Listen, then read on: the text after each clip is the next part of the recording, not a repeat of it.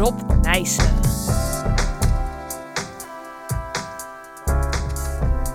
Goed. Ja, we gaan beginnen.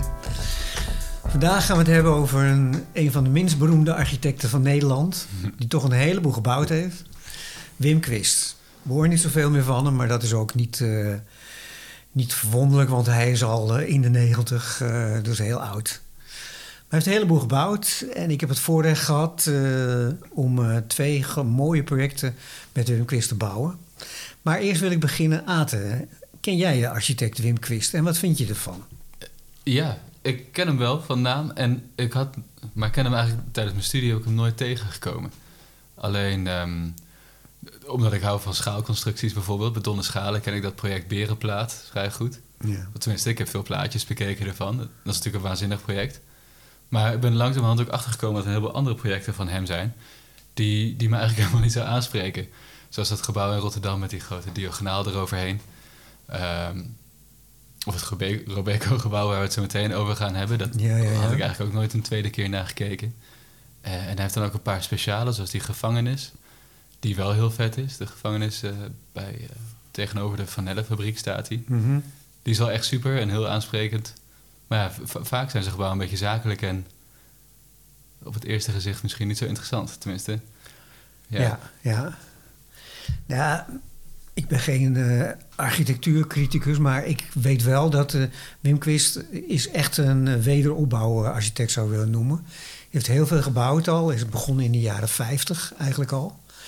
Met bouwen. Berenplaat is bijvoorbeeld de jaren 60 aan het begin. En hij kreeg gewoon een kans in de omhooggang van de, de wederopbouw... toen het geld weer ging stromen in de jaren 60... om mooie dingen te maken. En dat heeft hij ook gedaan. Maar ik heb hem dus heel vaak ontmoet uh, in vergaderingen, tijdens overleggen. Ja. En het is ook een beetje, ja, ik zou bijna zeggen, aristocratische man. Uh, hij is ook oh, ja. heel groot qua gezag. Ik ben klein, dus dat valt hem heel snel op. Ja. Maar hij is echt aanwezig. En hij is ook heel ja, streng. Hè. Ik kan me herinneren dat een keer een, een Engelse collega van mij die liet ik een boek zien met het werk wat ik met quiz gedaan had dan. En een van de eerste pagina's was een foto van quiz. Toen zei hoe, wat een strenge Calvinist is dat. Uh, nou ja, goed. Het is helemaal geen Calvinist hoor. Hij is, heeft echt veel belangstelling, vooral voor kunst. En, uh, maar hij heeft wel een strenge kant. was hij ook al oud toen jij met hem werkte? Nee, dan praten we over 40 jaar geleden, dus dat was in de jaren 50. Ja, oké. Nou, dat is toch. Dan beginnen mensen al een beetje indrukwekkend te lijken. Dank je, Aten. Ja. maar goed. nee, maar goed, toen had hij dus al een hele oeuvre op zijn werk. Hm. En Quist is ook iemand die echt een Hollandse architect is, die bouwt wat de opdrachtgever wil. en dat hij vaak invalshoeken vanuit de, de artistieke wereld mensen die kunst waarderen, waar hij ook veel mee omging. een beetje ook de elite. Ik heb ook het idee dat hij uh, iets aristocratisch had. Ja. Maar goed, dat weet ik niet precies allemaal, maar dat was mijn indruk. En daar kreeg ik zijn opdrachten ook van. bijvoorbeeld, hij heeft voor Randstad een heel groot kantoor gebouwd. dat ja, is ook prachtig en mooi gedetailleerd. Je noemde net al dat gebouw met die diagonale Rotterdam. Ook een prachtig gebouw. Ik vind het heel verrassend als je daar zo de hoek omrijdt, als je die, uh, die brug overkomt en opeens staat het gebouw met die enorme glijbaan. Uh, ja. Wat mijn jongste zoontje altijd zei. Ja, ja. Nee, Jackie, Jackie Chan is daar dus van afgegleden. Ja, ja, voor een film. Hè? ja, film, ja, ja. Nou ja, dat is toch al. Eh, ik vind een, een teken van kwaliteit. Het is heel apart iets natuurlijk, zo'n rare ja. diagonaal. Dus. Maar hij bouwt wat, uh, wat, wat, de opdrachtgever wil. Hè, en een heel goed voorbeeld ervan is het Robeco-gebouw. Robeco wilde een hoofdkantoor hebben voor zijn beleggingsmaatschappij, wat ze eigenlijk toen in die tijd waren. Wat het nu is, weet ik niet meer, maar het is allemaal overgenomen door de Rabobank, geloof ik. Hmm. In ieder geval wilden in, op, in Hartje Rotterdam, op de hoek van de Blaak en de Koolsingel, wilden ze, mochten ze, hè, laten we het zo zeggen, mochten ze een hoog gebouw maken. Nou, in die, die tijd was het hoogste gebouw van Nederland uh, nou, 80 meter hoog of zo. Dus begon in die tijd, begon Rotterdam ook uit de grond te komen, om het maar letterlijk te zeggen. Ja. Het Robeco was dan het eerste hoogbouw. Jammer genoeg maar 97 meter hoog. Wat ik heel jammer vind als ambitieus jong architect of uh, jong ingenieur. Ja. want ik had graag een gebouw van 100 meter gemaakt. Ja, het hoogste gebouw van Nederland had je natuurlijk gewild. Ja, ja, ja. Maar ja, dat is niet gelukt. In die tijd werd ook net eh, Nationaal Nederland gebouwd van 150 meter. Dus Ja, zelfsupportgebouw. ja, ik zat, Ja. Al, eh, zat al achter, eh, achter het net te vissen. Ik heb nog geprobeerd om een extra verdieping op te krijgen. Met het argument dat het bijna niks kost om een extra verdieping te bouwen. Maar daar trapte de opdrachtgever ook niet in. Dus dat is niet gelukt. En zo elitair was Wim Quist dan ook weer niet. Dat hij graag de, het hoogste gebouw had willen ontwerpen. Nee, helemaal niet zelfs. Nee, ik denk zelfs dat hij dat eh, totaal niet belangrijk eh, vond. Oh, oké. Nee, hij wilde gewoon, wat de opdrachtgever wilde, was een, een chic eh, kantoor voor een beleggingsfirma. Een, een, een, een rijk bedrijf eigenlijk. Ja. Hè, waar de belang- werknemers waren het voornaamste eh, kapitaal, om het maar zo te zeggen. Dus die moeten prachtige kantoren, volledig geklimatiseerd. eh, mooi uitzicht natuurlijk, hartje Rotterdam. Hè, dat is echt... eh, hè, net wat je ziet in Manhattan en in Londen. hè, dat echt een zakelijk centrum moest dat worden. Hm. En dat had het natuurlijk ook. Ja. Hè? Prachtige materialen gebouwen, gebruikt, roestvast staal, groene graniet. Iedereen denkt dat het zwart is, maar het is groene graniet uit Labrador. En speciaal uitgezocht. eh, de echte beste materialen gebruikt. Hè? Ook binnen voor het interieur. Alles waanzinnig netjes en mooi uitgewerkt. Ik kan me herinneren dat er zelfs de plafondindeling werd helemaal uitgetekend door de architect. Hè, normaal gooien ze dat over de schuur heen of de schutting heen. En kan het eh, bedrijf wat de plafond levert, kan dat eh, allemaal netjes uitzoeken. Ja. Alles werd uitgezocht. De tegeltjes in de wc werden precies zo gepositioneerd dat het klopte. Dat je begint met een voeg op de hoeken. En dat je dan eh, eh, probeert zo'n hele tegel over te houden. Of desnoods een halve aan de zijkanten. En in ieder geval, er werd allemaal uitgezocht eigenlijk. eh. Dat, was, dat is denk ik echt de ouderwetse architectuur. Dat alles werd uitgezocht. Ja, ja, echt een vakman dus. Echt een he- supervakman. Ja. Ja. Ook het bureau werkte allemaal mensen, waren echt supervakmannen. Dat is natuurlijk ook opgebouwd in de loop der tijden, want bureau van Christus een heleboel gebouwd. Hè. Je gaf zelf al een aantal voorbeelden. Hè, Er is echt heel veel gebouwd eh, door Quist. En die had ook een relatie met eh, Rijkswaterstaat. Dat hij een soort supervisor, architect, eh, bewaker van de beeldkunst, van het beeld was. Aha. En bij de Oost-Scheldewerken bijvoorbeeld had hij ook wat te zeggen en brugontwerpen. Oké. Maar hij laat ook mee verder gegaan. Dus het was een heel veelzijdig en, en heel kundig, laat ik dat benadrukken, man. Maar het rare is dat hij... Hij was altijd nuchter en zakelijk en Ja, ja. luisterde naar de klant. En je ziet dat dat, bij, zeker bij de, de vorige generatie architecten... maar ook bij de huidige architecten... die zoeken het avontuur op eh, en de uitdaging en eh, de artistieke impulsen. En dat is bij Quist veel soberder, veel rustiger. Ja. Hè. Maar Robeco is er een mooi voorbeeld van. Maar het is natuurlijk een product van die tijdgeest. De tijdgeest dat er weinig Eigenlijk is. wel, ja. En dat er Eigenlijk hard wel. gewerkt moet worden. Ja, hard werken. Niet zeuren, maar poetsen, zeggen ze in Rotterdam, geloof ik. Ja, niet lullen. Nou, niet lullen, maar Nee. poetsen. Nee. In ieder geval, eh, dat was een van mijn eerste werken die ik als eh, ja, verantwoordelijk projectleider mocht doen. De, de, de, eh, Robeco-toren. Robeco gebouw, ja. Ja. Daar hebben we het nu over. En dat lag in hartje Rotterdam. Daarnaast liep de metrotunnel op drie meter afstand van de bouwput. Mhm. En er moest een hele diepe parkeergarage onder, want al die eh, dure auto's van die werknemers moesten natuurlijk eh, geparkeerd kunnen worden. Ja. Dus gingen drie lagen de grond in, iets van eh 16 meter of zo. En ja, in Nederland, zeker in Rotterdam, is dat allemaal prut. Dus er moest een eh, speciale diepe betonnen kelder komen. Hm. Nou, eerst moesten er eh 267 palen de grond ingeslagen worden. Die het gebouw dragen. En vooral ook de wind op het gebouw. En met trek- en drukpalen moest dat worden opgenomen. Ja. En moest het gewicht van het gebouw moest net zo groot zijn dat die trek die kan optreden, wordt gecompenseerd door het gewicht van het gebouw. ja. Maar ja, dan ben je natuurlijk een beetje dom bezig als je daar een, eh, een, eh, een hele holle kelder maakt die in het grondwater zit, wat een meter onder het maaiveld zit. Dus die hele kelder die wil omhoog poppen. Dus toen moesten we nog extra palen onderslaan om extra verankering te geven. Oké, uiteindelijk toch dus op trek belast, die Ja. palen. Nou nee, niet echt. Omdat we dus meer palen hebben toegepast. Ja. En daardoor werd die trekkracht werd zo klein dat het gewicht van het gebouw, want het ah, gebouw, zeker zo'n hoog gebouw, beweegt natuurlijk flink wat. Ja. Dus dat ging gelukkig goed. Oké.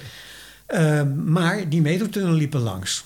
En de mensen van de metrotunnel waren heel simpel. Die zei, want wij vroegen, ja, we gaan een hoog gebouw er neerzetten en gaan een diep gat graven om een betonkelder, uh, parkeerkelder te maken. Hè. Hoeveel mag die meedoen thuis bewegen? Want de grond gaat natuurlijk, ja, gaat zetten en bewegen en horizontaal en verticaal uh, gaat die, wordt beïnvloed. Nou, zeiden ze, uh, simpel, mag niks bewegen. een discussie van niks. Dus nou, wij praten en praten. En uh, Bouter zegt Rotterdam erbij, waar ik een hoge pet van op heb. En deskundige mensen. Ja. Nou, op een gegeven moment kwam dan een soort half compromis eruit. Hij mocht dan plus of min 3 mm mocht hij verplaatsen. Zowel horizontaal als verticaal. En er moesten allemaal uh, meetpunten moesten er in die metrobuis gemaakt worden. Van een lijn die de vak langs liep over uh, de Blakenstad.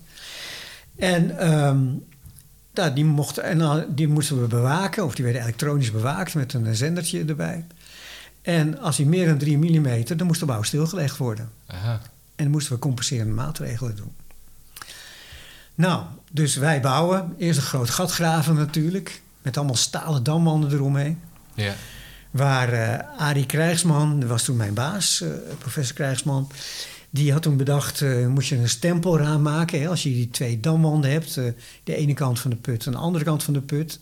En het duwt de grond er tegenaan en dan gaan ze naar binnen toe buigen. Ja. Als je dan een balk daar legt, ertussenin legt, die ze tegenhoudt, dan kunnen ze niet naar binnen toe gaan. Dus dan moet je zware balk van de ene kant naar de andere kant maken. Ja, dat is heel gebruikelijk, toch? Dat is gebruikelijk, ja, ja. Ja. Stempels noemen we een stempelraam. Aha. En dan moet door de hele bouwput moet een stempelraam zitten. Ja. Dus niet alleen de ene richting op, maar ook de andere richting op. Ja, precies. Want van alle die- kanten wordt die ja, werd put dichtgedrukt. gefixeerd. Ja, ja, aan het punt werd hij dichtgezet. Nou, we werden op een gegeven moment in staal uitgewerkt. Nou, dat werd stalen balken van hier tot heb ik jou. Want die moesten 20 meter over spanning. Hè? En dan konden Ja, we daar ja. wel een paar palen tussen zetten.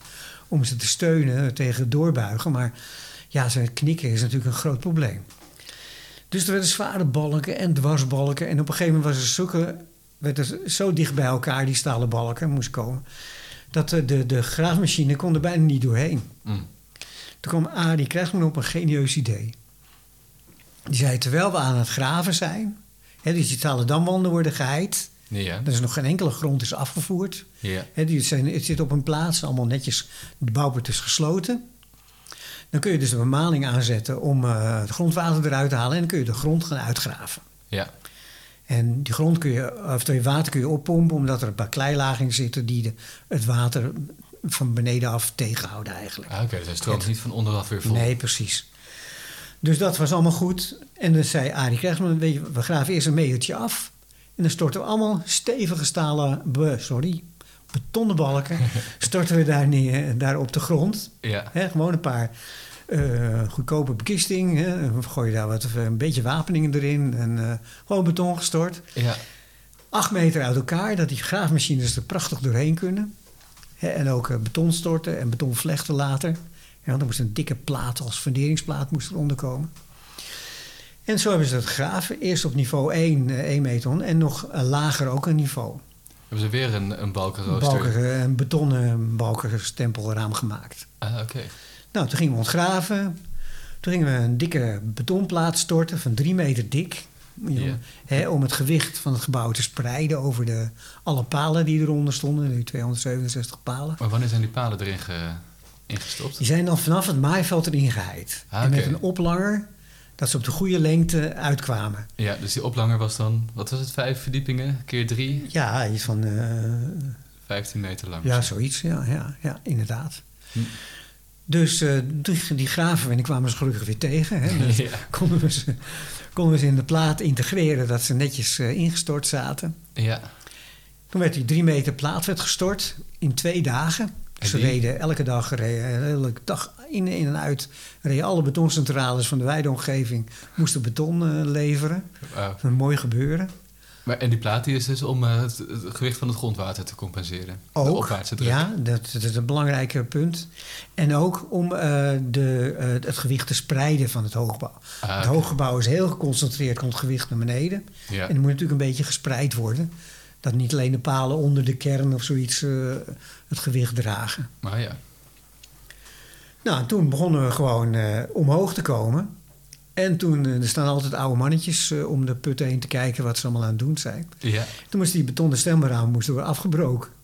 Hevige consternatie natuurlijk, want er kwamen gewone vloeren kwamen daar in de parkeergarage ja, terecht. precies. Die namen de functie over van Ja. het stempelraam. Ja. Dus de mannetjes zeiden al, oh, ze hebben een foutje gemaakt, want ze moeten alles afbreken. En oh nee, wat is er gebeurd? En er kwam geloof ik zelfs een artikel in de krant van eh Robeco bouw vertraagd. eh, dus, eh, want journalisten willen graag slecht nieuws brengen natuurlijk. Ja. Dus nou, dat ging allemaal goed. Dus dan gingen we omhoog. En toen kwam, eigenlijk al meteen nadat de vernieuwingsblad klaar was... kwam er een glijbekisting uit Oostenrijk. En die gleed hè, in een tempo van één verdieping per dag... gleed hij met een kist die zichzelf omhoog tilt... kleedt hij die, eh, de betonnen kern... die eigenlijk de stabiliteit en de kracht aan het gebouw geeft... gleed hij omhoog. Ja.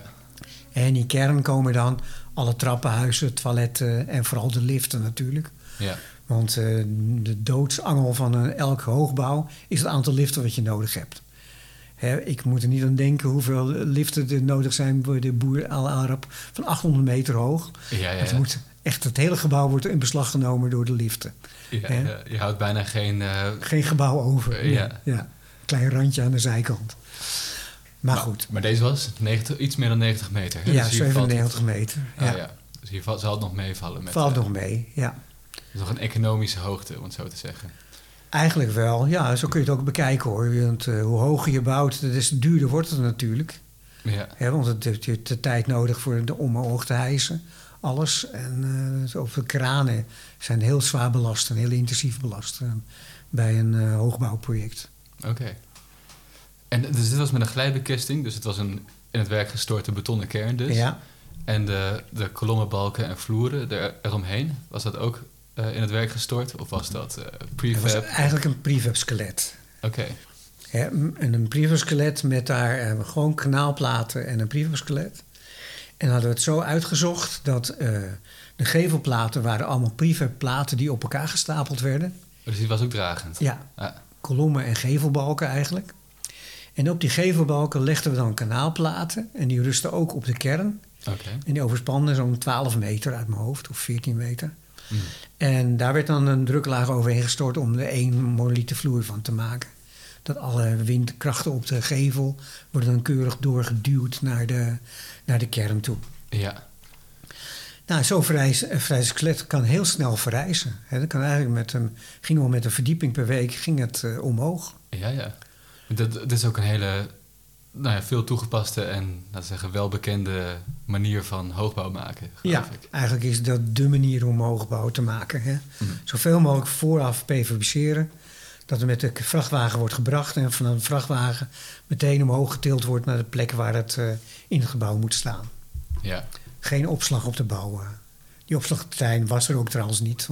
Het hele gebouw nam eh, de hele bouwkavel in beslag. ja, een hele drukke locatie. Ja.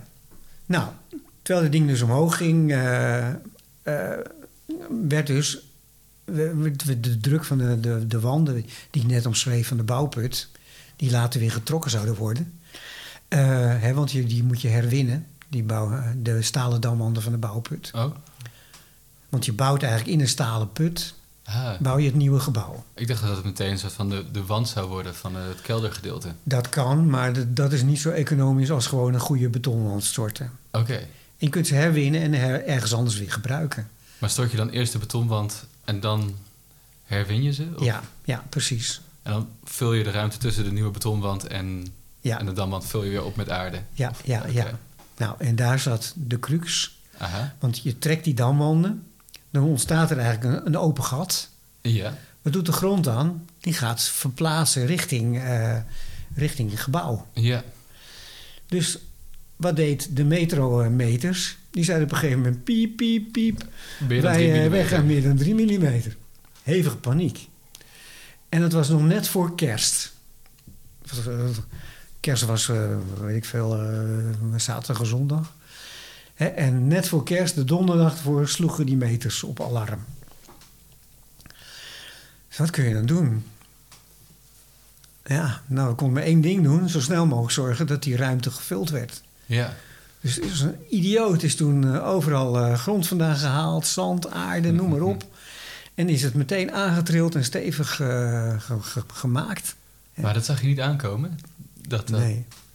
Dat is eigenlijk een foutje, zou je kunnen zeggen. Je hebt al een Maar halve goed. meter ruimte tussen die damwand en de nieuwe betonnen... Nee, niet zoveel hoor. Oh, was iets van 30 centimeter of zo. Ja, oké.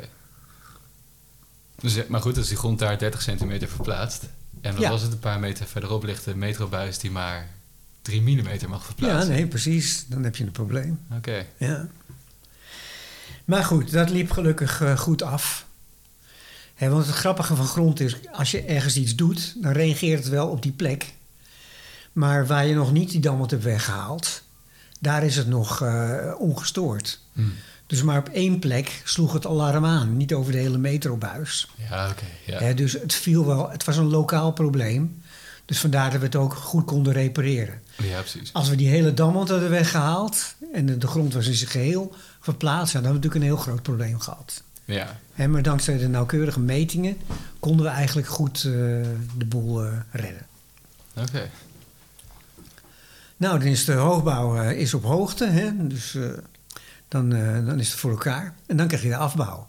En die duurt ongeveer net zo lang. Want Ja. dan moeten alle plafonds ingemaakt, alle tussenwanden, alle toiletgroepen, alle liften moeten geplaatst worden, alle installaties moeten gaan ja, dat betekent En- worden. Ja, ja. En die installaties, dat is altijd wat, want dat is lucht allemaal. En lucht verplaats je door kanalen. En dan mag niet te hard stromen, want dan eh, krijg je A, toch verschijnselen waar het uitblaast. En ook krijg je geluid van eh, de lucht die zich snel verplaatst. Ja. Een soort zoemenbrom. Ja, ja, ja. En dat vinden mensen niet leuk. Nee. Hè? Dus, eh, Kunnen ze zich niet concentreren. dus dan moet het heel langzaam lucht moeten verplaatst worden. Dus heb je hele grote kanalen nodig. En voor Robeco hadden ze een kanaal nodig van 1 bij 2 meter. Oké. En dan heb je dan centrale, eh, op sommige verdiepingen heb je dan een ketelhuisverdieping. Dan zitten alle installaties zitten daar, zowel voor de lucht als voor de elektra. En eh, ja, dan moet de lucht moet daar verwarmd worden, gefilterd natuurlijk, eh, voor gezondheid, eh, de gezonde, allemaal gezonde lucht is. En worden geblazen naar de verdiepingen.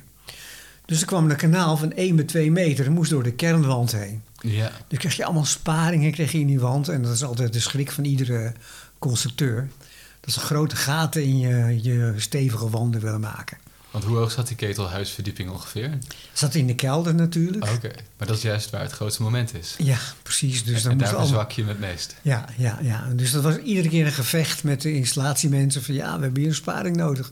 Van 1 met 2 meter. Jezus Christus, kan dat niet eh, wat minder? Nee, dat kan dus niet. Oké. En die standvers zijn wel slim, die installatiemensen. Komen ze eerst met de luchtsparing, dat is het grootste. En daarna komen een heleboel kleintjes, hè, voor water, voor gas, voor elektra, noem alles maar op. Mm. Computer eh, begint ook al een rol te spelen. Aha. Hele kabelgoten gingen er dwars doorheen.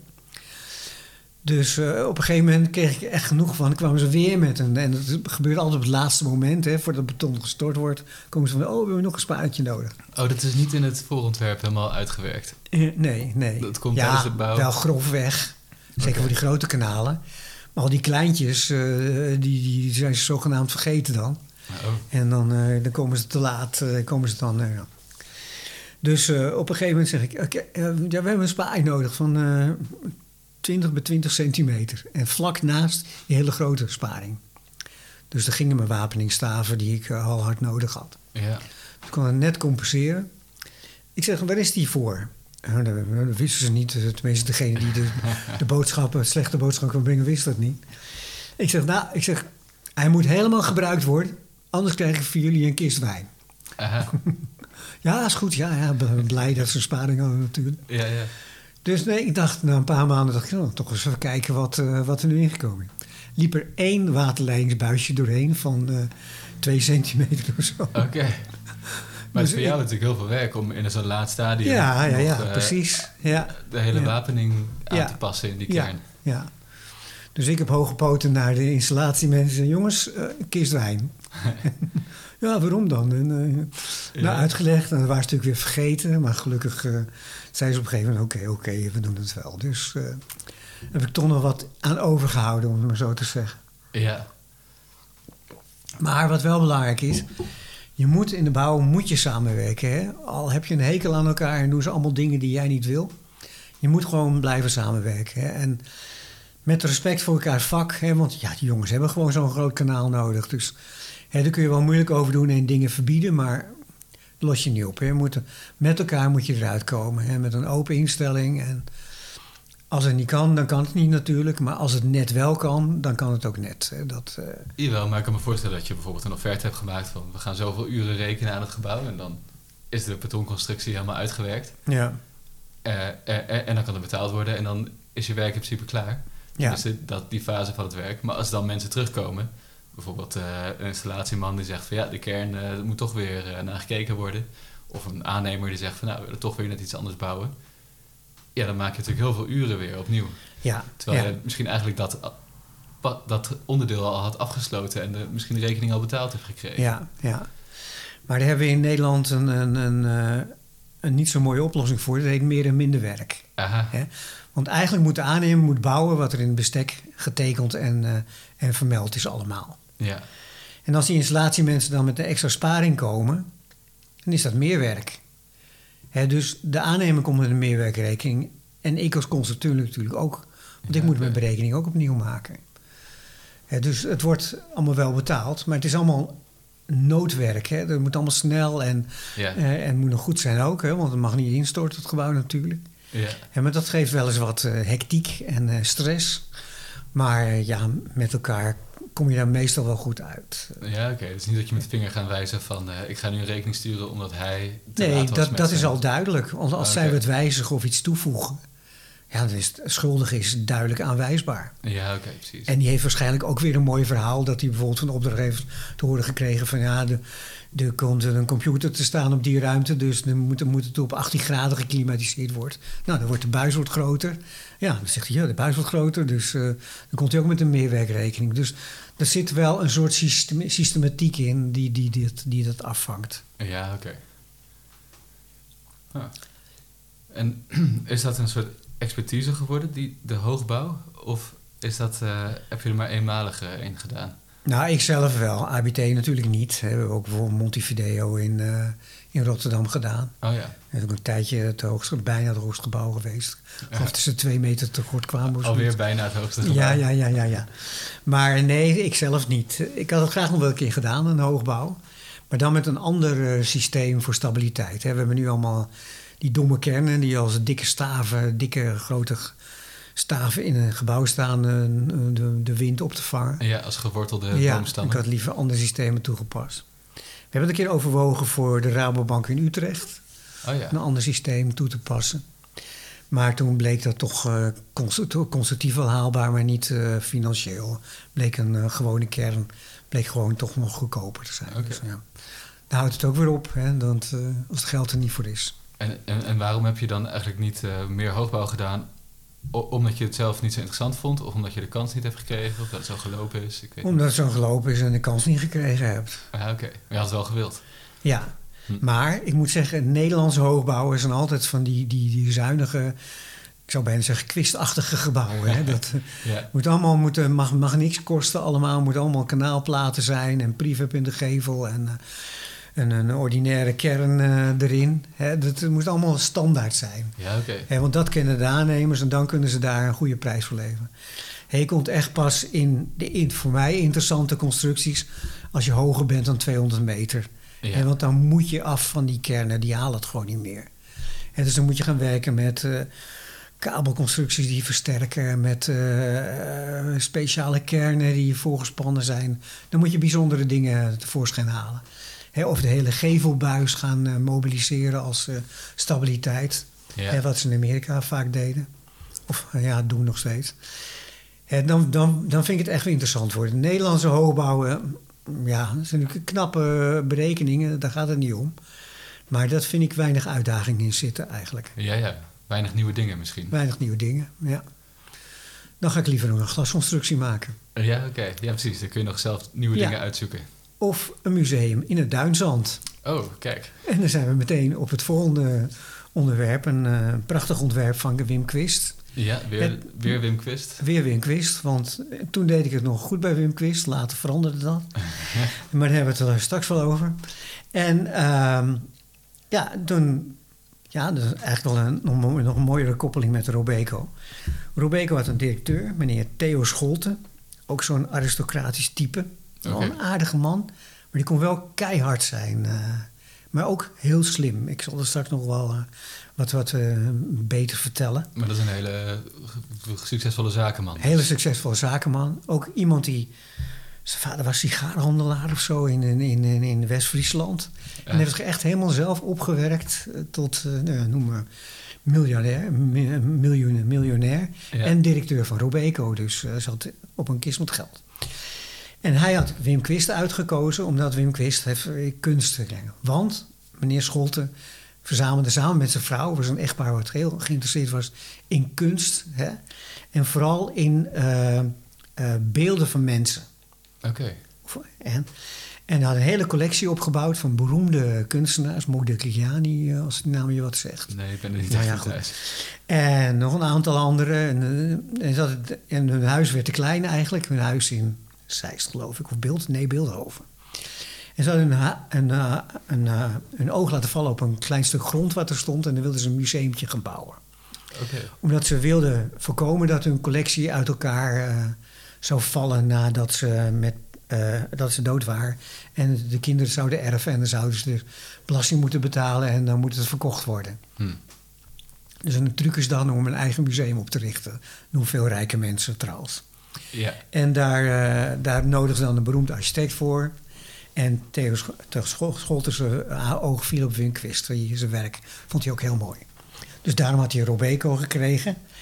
En toen hij zijn eigen museum ging eh, verder werken, dacht hij ook aan Quist. En Quist had daar eh, voorstellen voor gemaakt. Oké, dan is tevreden met het Robeco-gebouw dus. Ja, zeker. Ja, zeker. Ja. Want Quist bouwt wat de opdrachtgever wil. Hè? Dus, Ja, eh, precies. Oké. ja, En daar luistert hij goed naar. Ja, ja, ja, precies. Maar goed, eh, we hebben een museum hij bouwen. Een mooi ontwerp gemaakt in hout. Heb ik ook nog wel nagekeken, maar dat was eigenlijk niet zo nodig. Want de buurt lag helemaal tegen. Oké. Want de buurt zei, ja, ja, er komen allemaal mensen komen op bezoek... en die gaan bij ons in de straat parkeren. Nou ja, meneer Schotten kon bedenken wat hij wil... van de ondergrondse parkeergarage tot dat. De buurt was tegen. Hè? Dus Ja. teleurgesteld eh, verhuisde de familie Scholten... of meneer en mevrouw Scholten.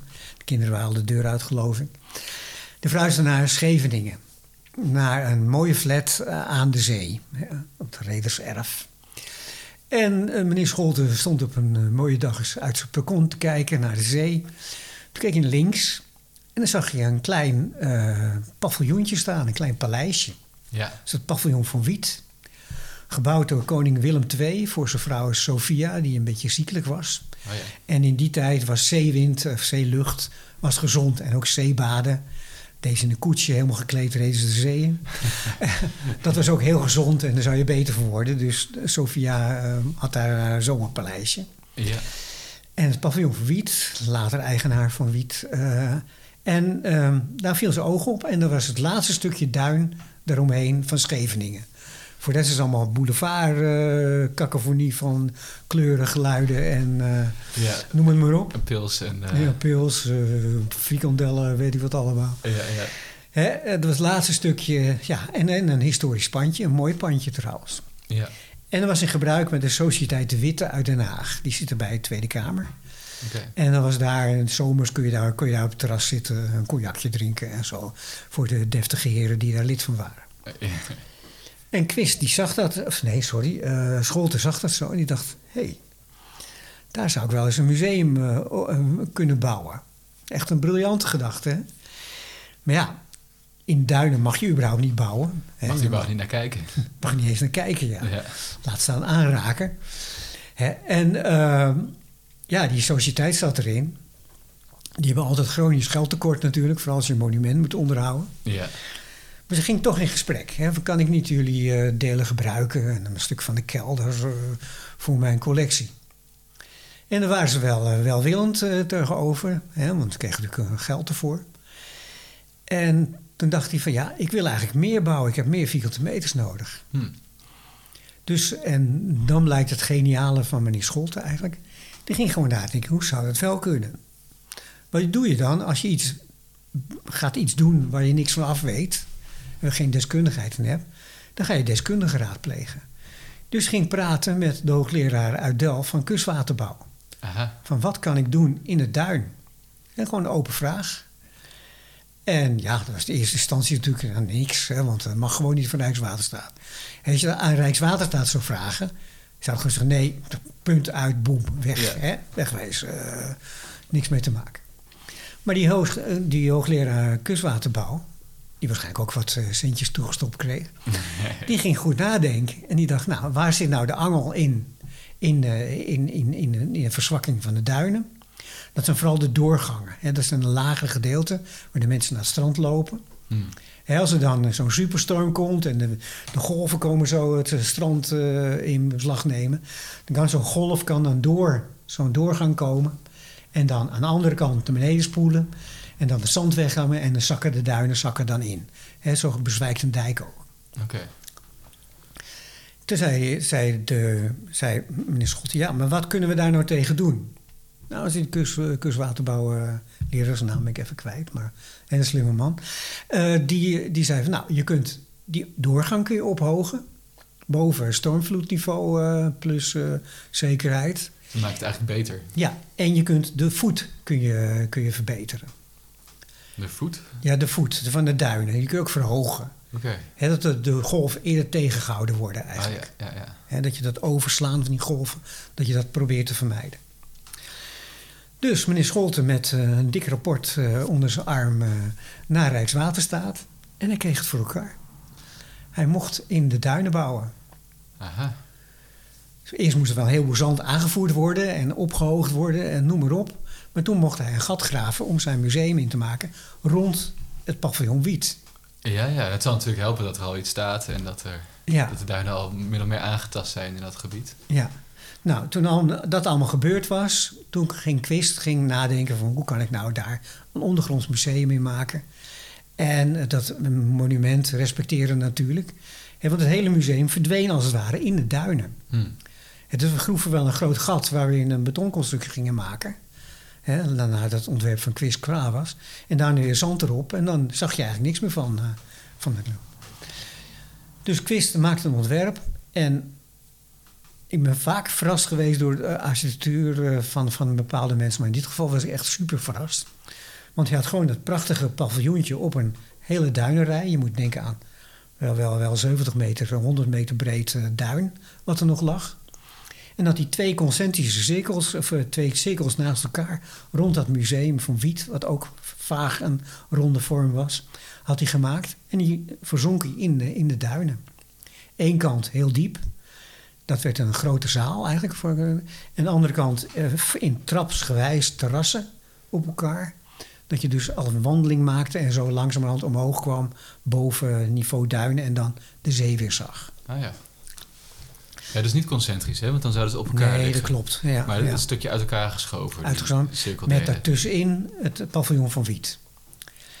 En toen werd ABT erbij gehaald en ik werd weer de projectleider en Krijgsman was weer de, de, de RI ervan, de raadgevende ingenieur. Maar dus eh, haalde Quist de ABT erbij of Scholten? Eigenlijk. Dat weet ik eigenlijk niet. Ik denk Scholten zelf, want net op dat moment werd ik ook zelf RI. Aha. En toen zei Krijgsman, doe jij dat maar, zo- maar alleen erop. eh. Toen mocht je voor het eerst eh, eigen je- ja, project ja, eh, ja, ja, ja. helemaal zelf doen. Mooi moment natuurlijk, hè, dat het vertrouwen in je uitgesproken wordt. en dan meteen zo'n... eh, Ja, heel bijzonder speciaal. werk. Ja, Ja. Dus, nou, ik begon ermee en eh zei ja, we willen die, die twee cirkels, die links en rechts van eh paviljoen Wiet, willen we met elkaar verbinden met een klein zaaltje. Maar dan moeten we onder de fundering van het paviljoen van Wiet eh, door. nou, Dat is op die, duin, eh, die hoe- was op duinzand gefundeerd. Dat is niet zo'n hoog gebouwtje hoor, van eh acht meter of zo. Hè, dus dat kan wel met een behoorlijk gespreide metselwerkvoet eh is dat wel te bouwen in eh, 1830 of zo. Dus zo was het gebouwd. Hm. Nou had we wel eens gehoord dat je kunt zand, zeker als er geen grondwater in zit, kun je chemisch verstenen. Dan spuit je eigenlijk onder hoge druk eh, cementmortel in het zand. En alle openingetjes in het zand, al de poriën, worden dan gevuld met de cement. Je krijgt een blok cement eigenlijk. En als je dat met een lans boort en dan zo- zo'n zo'n bol uitblaast van eh, cement... en die bollen zet je allemaal op elkaar of in elkaar... dan krijg je, kan je een pilaar maken zo. Aha. Zo maakten we allemaal pilaren naast elkaar. Hè, gewoon door te graven tot onderkant uh, met fundering. Dan een lans erin te steken tot onder de fundering. En dan zo bolle cement eronder te zetten. En dan kun je dus daarna, als dat verhard is, kun je dat allemaal weggraven. Dan krijg je dus allemaal uh, versteend zand. Of eigenlijk ja, versteend zand. Met erbovenop de, de, de, de bestaande fundering van het uh, paviljoen. En dan kun je daar weer beton tegen aanstorten. En dan kun je dus een doorgang maken. En we hebben een hele mooie zeezaal gemaakt. Dat is de enige plek waar je uitkijkt over de zee. En dat is, van onder het van onder ja. het bestaande En hebben ze zo gedaan, hè, de duinen lopen altijd af richting zee, dat de, de, de keerwand aan de, aan de zeezijde is lager. Dan lopen de mensen lopen dus, zie je dus niet. Je zag niks van de, van de brand, alleen een lantaarnpaal zag je. en dan zie je dus de zee in de verte. Dat is een prachtige zaal. Uh, ja.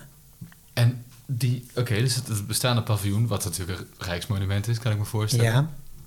Daar, daar graaf je eigenlijk onder de fundering, of nou ja, eerst verhard je het zand ja. onder, de, onder de funderingsstroken van, ja. van het oude ja. metselwerk. En dan graaf je al het zand weg. Ja. En het blijft het dan staan op dat, laten we zeggen, een soort van versteende zand? Of maak je dan weer nieuw, is dat alleen tijdelijk en maak je een nieuwe fundering? Het is tijd. Nee, je laat het zand, laat je versteende zand, laat je gewoon zitten. Okay. Maar je stort er betonmuren tegenaan. Ah, Oké, dus de betonmuren die. Dus het versteende zand, ik kan me voorstellen dat je als tijdelijke oplossing. Maar wie weet wat er gebeurt over 50 jaar. Met Precies, en daarom moet je een betonnen wand ervoor storten. Oké. En dat het voor eeuwig altijd gefixeerd is. Ja, precies. Ja. En die betonnen wand die steunt weer op de rest van de fundering. Ja. En dat, dat zijn gewoon plaatvunderingen. Zonder palen, kan ik ja. me voorstellen. Ja, gewoon ja. op het, op en hoeft het ook gelukkig niet gefundeerd te worden. Nee. Ja. nee, gewoon op het zand. Want de zand is stevig genoeg. Mm. En mits het, duinzand zijn heel ronde korreltjes.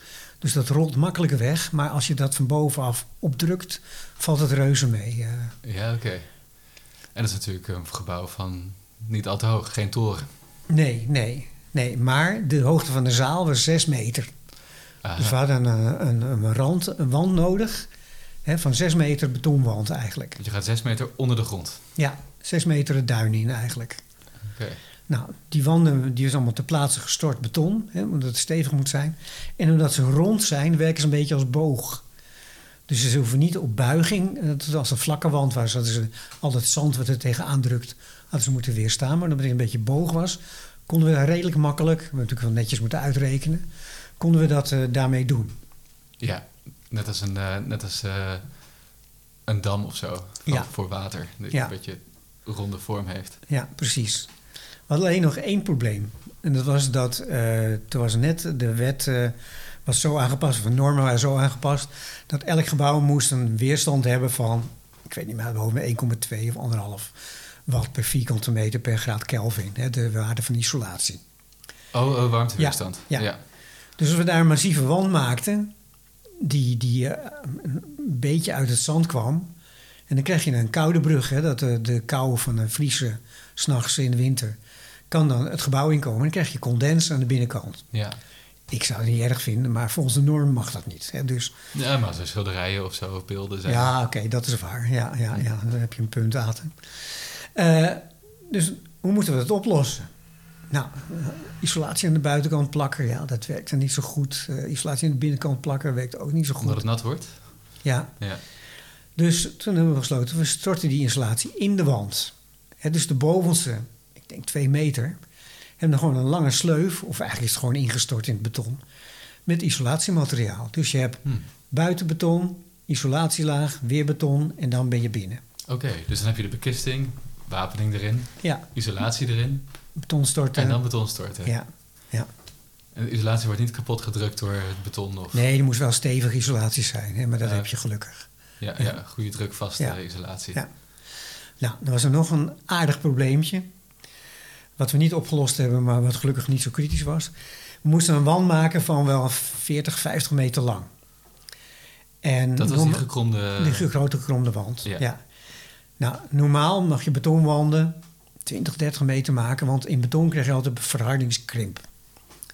Hè, dat betekent als het beton hard wordt, krimpt het ook iets. Ja. Hoe raar het ook klinkt, maar het gebeurt. Door de hydratatie van het water. Ja, de irritatie, goed Ja. water. ja. Maar in ieder geval, de beton krimpt. Dus meestal moet je dan 20 meter maximaal, hè, misschien iets meer, af en toe als je heel zwaar wapent. Hè, want iets dat krimpt, dat trekt overal aan. Hè? Dat eh, trekt aan de zijkanten. Ja. Dus dan moet je een heleboel wapeningen in stoppen. Nou, maar, zei de dan moet je een dilatatie maken om de zoveel meter. En die kun je waterdicht maken door allemaal flappen in te storten aan de zijkanten. Hè, doen ze met kelders ook. Mm. Dus dat is wel een techniek. Maar je ziet dus een dikke 2 centimeter eh, naad zie je lopen. Ja. Dat vond Quist natuurlijk maar helemaal niks. Mm. Hij vond de beton vond hij wel aardig hè, om naar te kijken. Hij eiste wel dat het zandkleurig was, dus duinzandkleurig. Dus we moesten een speciaal pigment doorheen kiezen. En hij vond het ook wel mooi als je kon zien hoe het beton stroomde in de, in, in de, in de bekisting. Want het beton wordt van bovenaf gestort met een, met een soort eh, dikke slang. Hè. En dan stroomt het er zo uit. Ja, Ja. een olifantenslurf. En dan stroomt het zo onderuit. En dan zou je mooi zo die, die, die, die, stromingen zou je wel willen zien. Want het deed hem denken aan marmer. Hè, dan had hij dus een soort eh, eh, geel, geelachtig, want de tuinzand is een beetje geel, geelachtig marmer. Nou, dat is allemaal goed gelukt. Hoe doe je dat dan, die stromingen laten zien? Nou, dat is beton zelf. Hè. Een beton heeft een bepaalde ja, viscositeit, stroperigheid. Ja, ja, maar ik, zie dat normaal niet in betonconstructies, die stroming. Nou, als je goed kijkt wel. Oh, wel, ja, kun je wel zien hoor.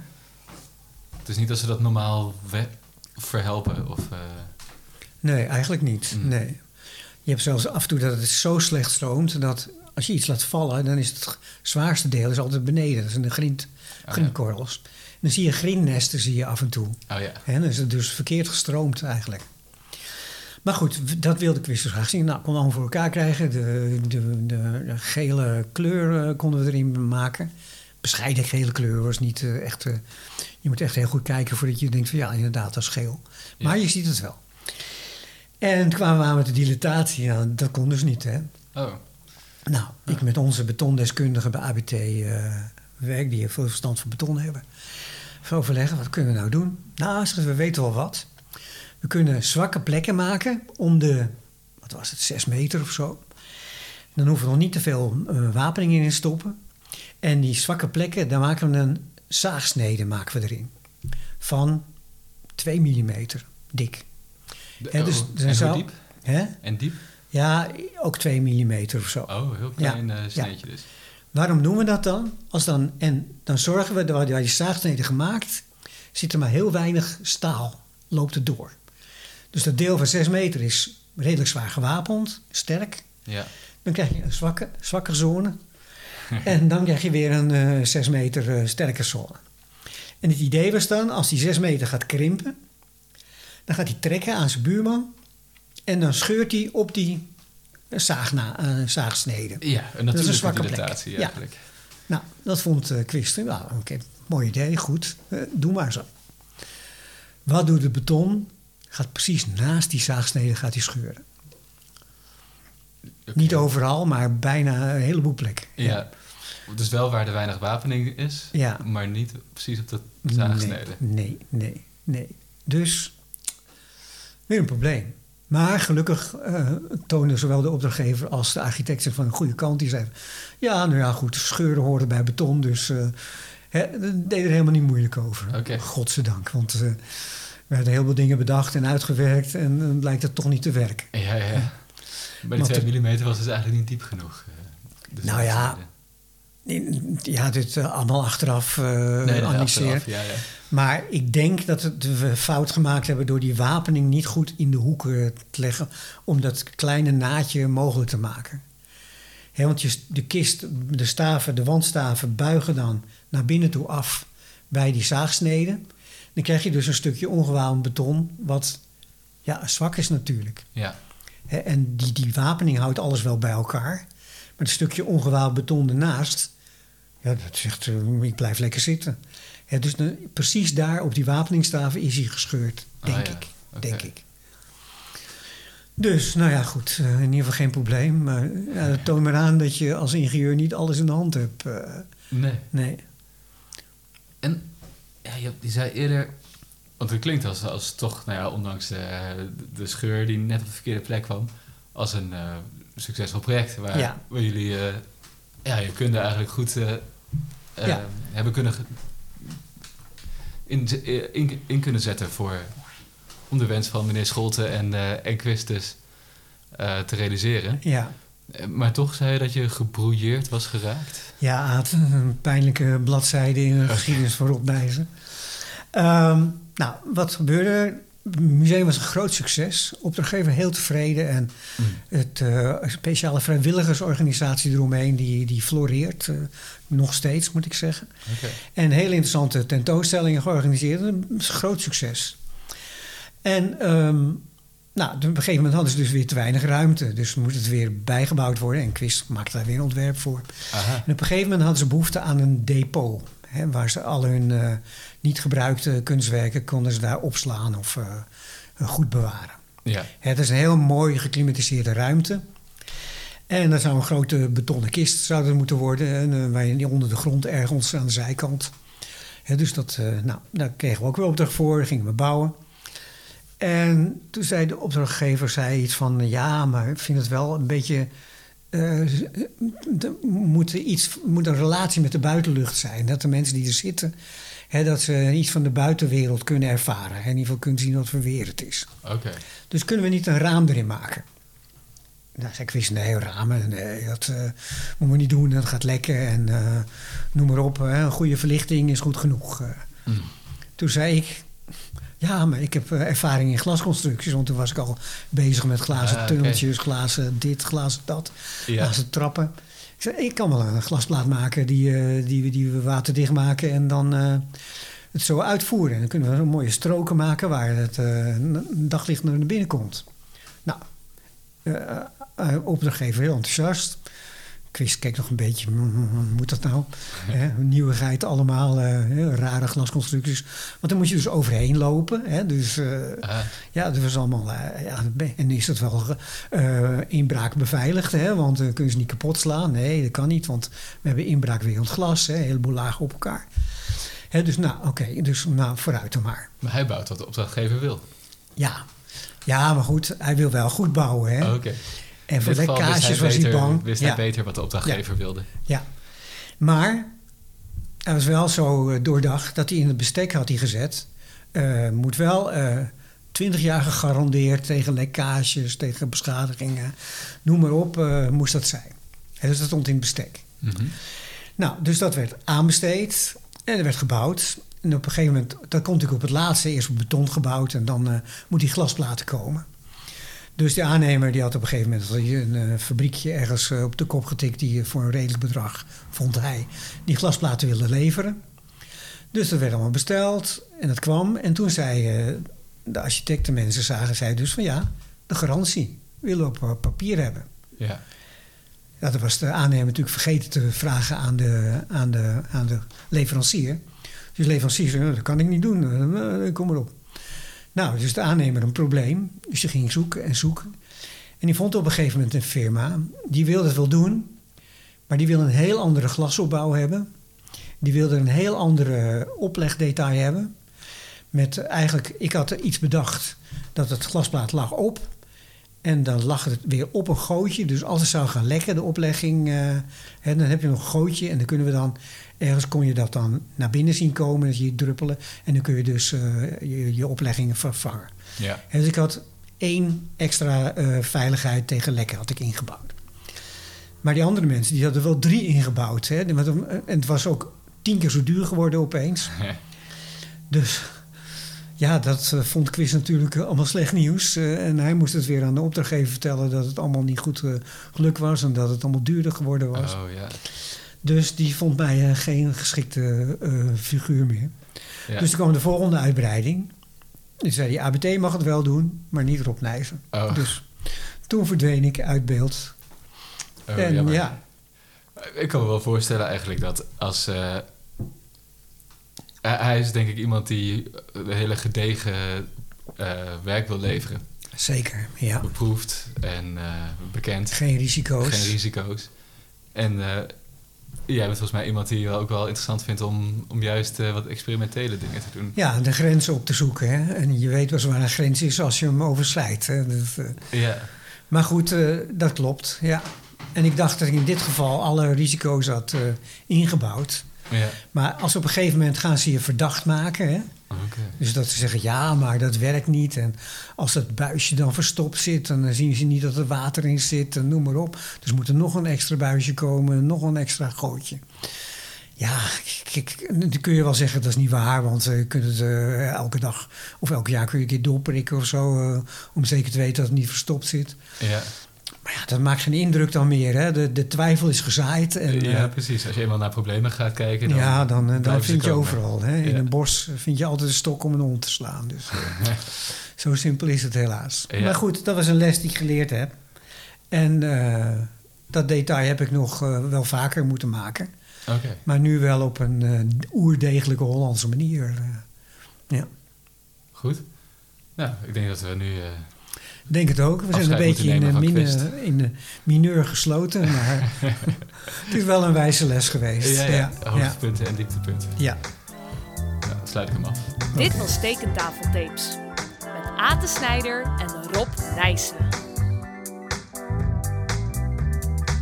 Muziek door Project Alpha en Roze Marijnen.